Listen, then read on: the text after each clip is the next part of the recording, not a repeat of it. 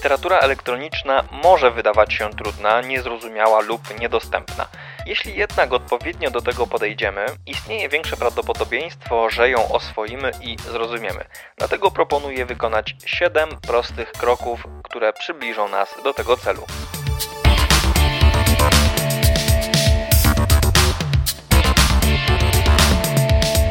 Odcinek 14. 7 kroków, dzięki którym zrozumiesz literaturę elektroniczną.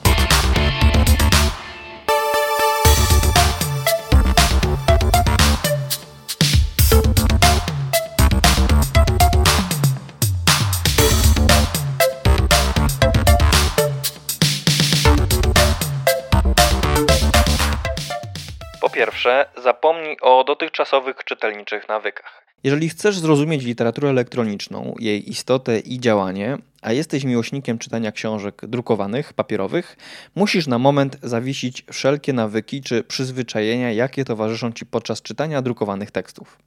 Jedną z cech cyfrowych utworów jest to, że są dynamiczne, a więc zmienne podlegają modyfikacjom nierzadko ze strony odbiorcy. Czyli chodzi o to, że utwory cyfrowe są najczęściej interaktywne.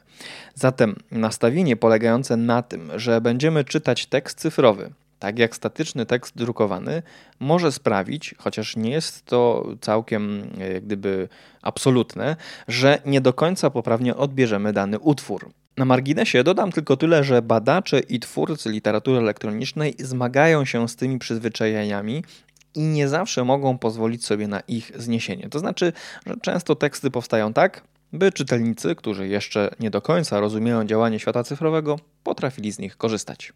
Po drugie, zainteresuj się literaturą. Dobrym sposobem na stopniowe wejście do świata literatury elektronicznej jest liberatura. Przede wszystkim dlatego, że liberatura w sposób jeszcze tradycyjny, a więc za pomocą druku lub różnych technik drukarskich, oddaje to, że tekst nie podlega standardowym prawidłom pisania literatury i przygotowywania książek. To znaczy, literatura przełamuje bariery, znosi granice, sprawia, że tekst ożywa.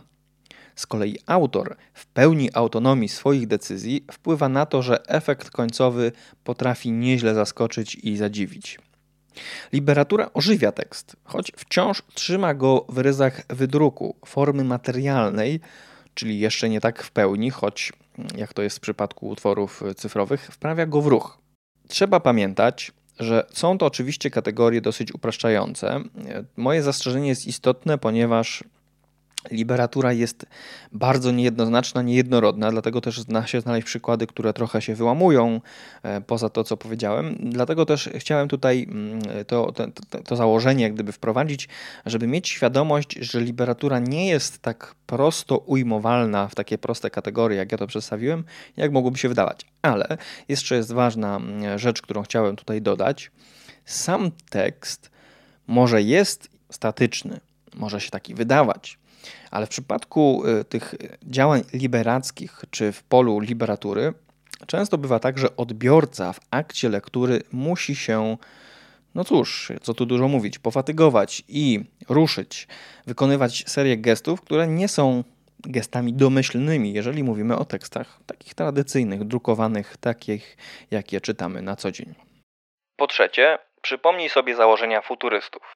Może pamiętasz coś na temat założeń futuryzmu z lekcji języka polskiego lub ze studiów, jeżeli w planie tylko znajdowały się przedmioty poświęcone literaturze, zwłaszcza tej z dwudziestolecia międzywojennego, lub chociaż pamiętasz jakieś przykłady futuryzmu w literaturze, szczególnie w poezji, jak chociażby utwory, nie wiem, Czyżewskiego, Wata, e, Pipera Jasińskiego czy nawet Jankowskiego.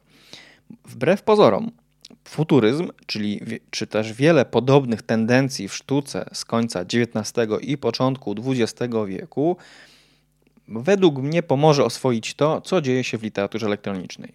Nie jest to oczywiście klucz uniwersalny, jednakże z całą pewnością pozwoli uświadomić, co po niektórym, że dziwne wyrazy, gra językiem czy formą, przekręcanie znaczeń, znaków, wywracanie wszystkiego na nicę, to nie jest wcale nic nowego.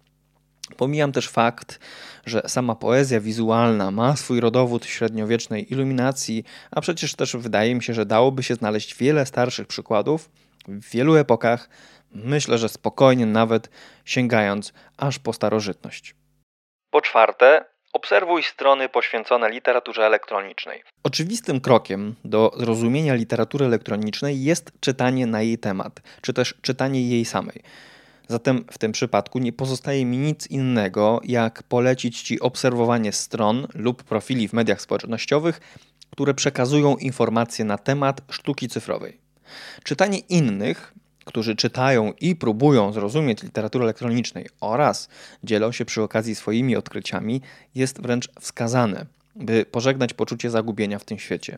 Zdaję sobie jednak sprawę, że ten krok, ta moja rada jest trochę oczywista, błaha, jednak wydaje mi się, że warto nawet y, tę oczywistą oczywistość, że tak to sformułuję cytując klasyka, e, warto przywołać i wydaje mi się, że to też jest istotne i o tym również należy pamiętać, mimo tego, że czasami o tym zapominamy, e, dlatego że to jest tak oczywiste. Po piąte, Napisz prostą stronę internetową od podstaw lub na bazie szablonu. Aby lepiej zrozumieć literaturę elektroniczną, dobrze jest nie ograniczać się do czytania na jej temat, czy też czytania poszczególnych przykładów. Warto też spróbować sił w jej tworzeniu.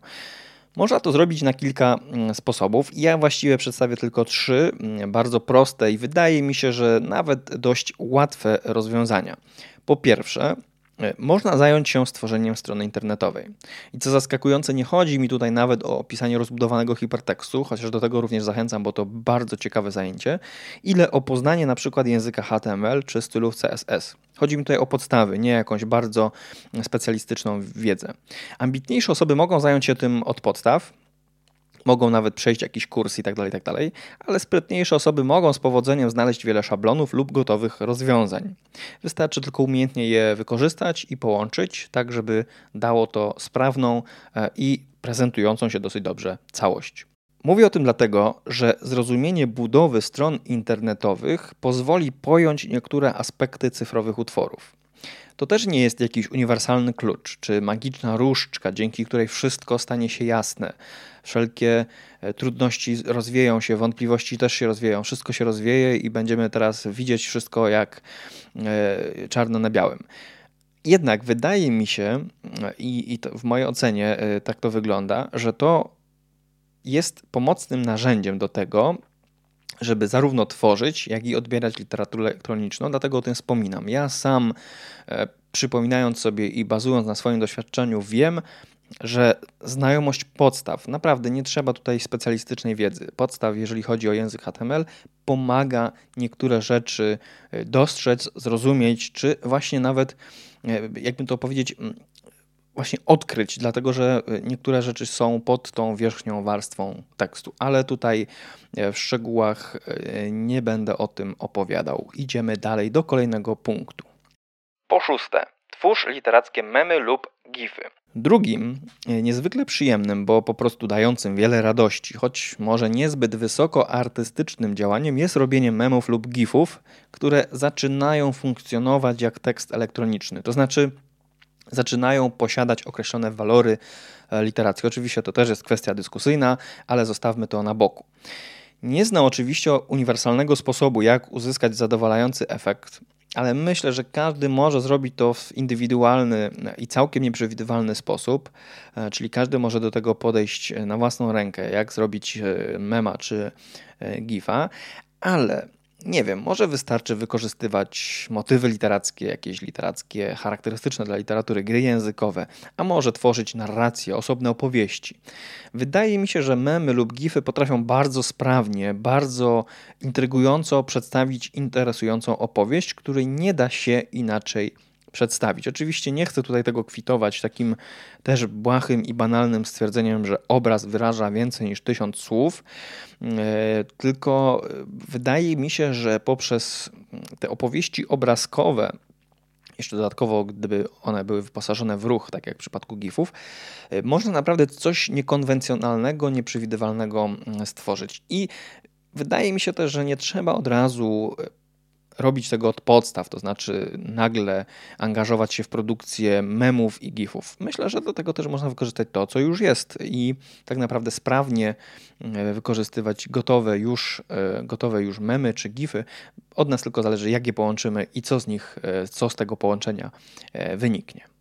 Po siódme, remiksuj, czyli mieszaj utwory literackie. Trzecim praktycznym sposobem na zrozumienie literatury elektronicznej jest wykorzystanie remiksu jako narzędzia odtwórczego, bo właściwie nie chodzi tutaj bardziej o twórczość, tylko o odtwórczość lub twórcze połączenie tego, co już ktoś stworzył. Bo zasadniczo bazując na tekstach, które już ktoś stworzył, ktoś napisał i tak dalej, na przykład, nie wiem, na bazie lektur szkolnych chociażby, wydaje mi się, że można stworzyć coś ciekawego i nawet nie chodzi o to, że mi się to wydaje. Są takie przykłady, które odkrywają w tekstach dobrze już nam znanych, przeczytanych powielokroć, coś, czego wcześniej mogliśmy nie dostrzec, a dostrzegamy to tylko dlatego, że po prostu ktoś to wszystko wywrócił, i zbudował z tego coś nowego, tak? Taką e, dekonstrukcję, e, do konstrukcji dokonał i wyszło z tego coś bardzo e, ciekawego. Ale poprzez remix, czy, czy, czy takie mieszanie właśnie utworów literackich, które już znamy, można nadać tym utworom nowe życie, ożywić je, e, tak? ucyfrowić w sposób dosłowny, czyli ożywić, bo nadać im jakiś taki mm, walor ruchowy, to znaczy, że te litery czy te zdania mogą się nagle poruszać. Tutaj jak gdyby nie będę też szczegółów takich technicznych e, ujawniał, ale myślę, że można wprowadzić te teksty w nową literacką sytuację, w której się nie znalazły lub może nawet nie znalazłyby się, gdyby nie nasz pomysł. I tutaj też nie trzeba jakichś specjalnych umiejętności czy wiedzy. Wydaje mi się, że wystarczy błyskotliwy pomysł, jakaś koncepcja, którą możemy wdrożyć i którą możemy wykorzystać. Z kolei teksty źródłowe można pozyskać chociażby z bazy wolnych lektur, tak? czyli nie trzeba się też przejmować, że będziemy korzystać E, sprawnie chronionych e, tekstów. Można wykorzystywać teksty znajdujące się w domenie publicznej lub na wolnych licencjach, dzięki czemu możemy w pełni, pełnoprawnie, legalnie i swobodnie korzystać z tych właśnie narzędzi. Na koniec jeszcze jedna rada, której postanowiłem jednak nie włączać do podstawowej listy, ale która wydaje mi się mm, na tyle istotna, by o niej wspomnieć. Chodzi mi o to, żeby jak najwięcej poruszać się po sieci w sposób świadomy. Nie chodzi mi tutaj o jakieś bezmyślne scrollowanie strumieni społecznościówek, ciągłe repostowanie treści z jednego portalu do kolejnego, surfowanie po powierzchni internetu itd., tak itd. Tak Raczej mam teraz na myśli mm, takie refleksyjne poruszanie się po cyfrowym świecie, szukanie w głąb, rozgrzebywanie niektórych tematów i wątków. Dlatego, że dzięki temu nie tylko skuteczniej się odnajdujemy w środowisku cyfrowym, ale po prostu łatwiej wychwycimy to, co w nim istotne i e, ciekawe. To też jest dosyć oczywiste, ale wydaje mi się, że warto o tym e, powiedzieć e, w takim właśnie podsumowaniu, aby o tym pamiętać i następnym razem mieć oczy i uszy szeroko otwarte na wiele, wiele, naprawdę wiele ciekawych rzeczy w internecie.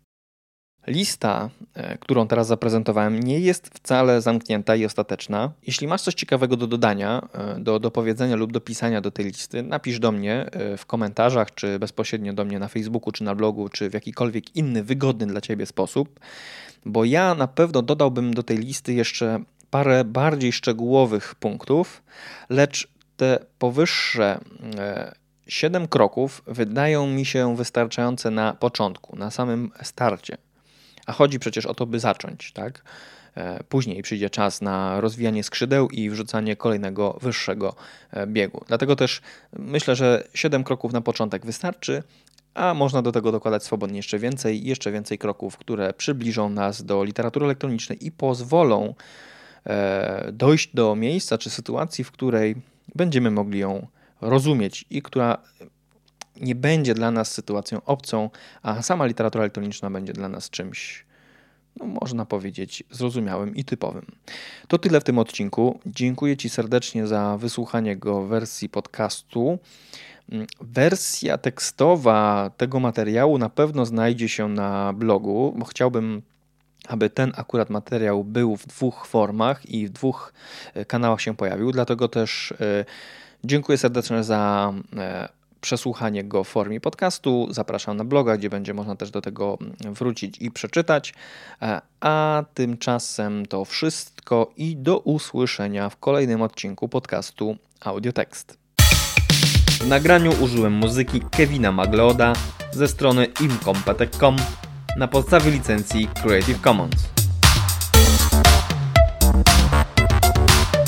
To był właśnie podcast Audiotekst.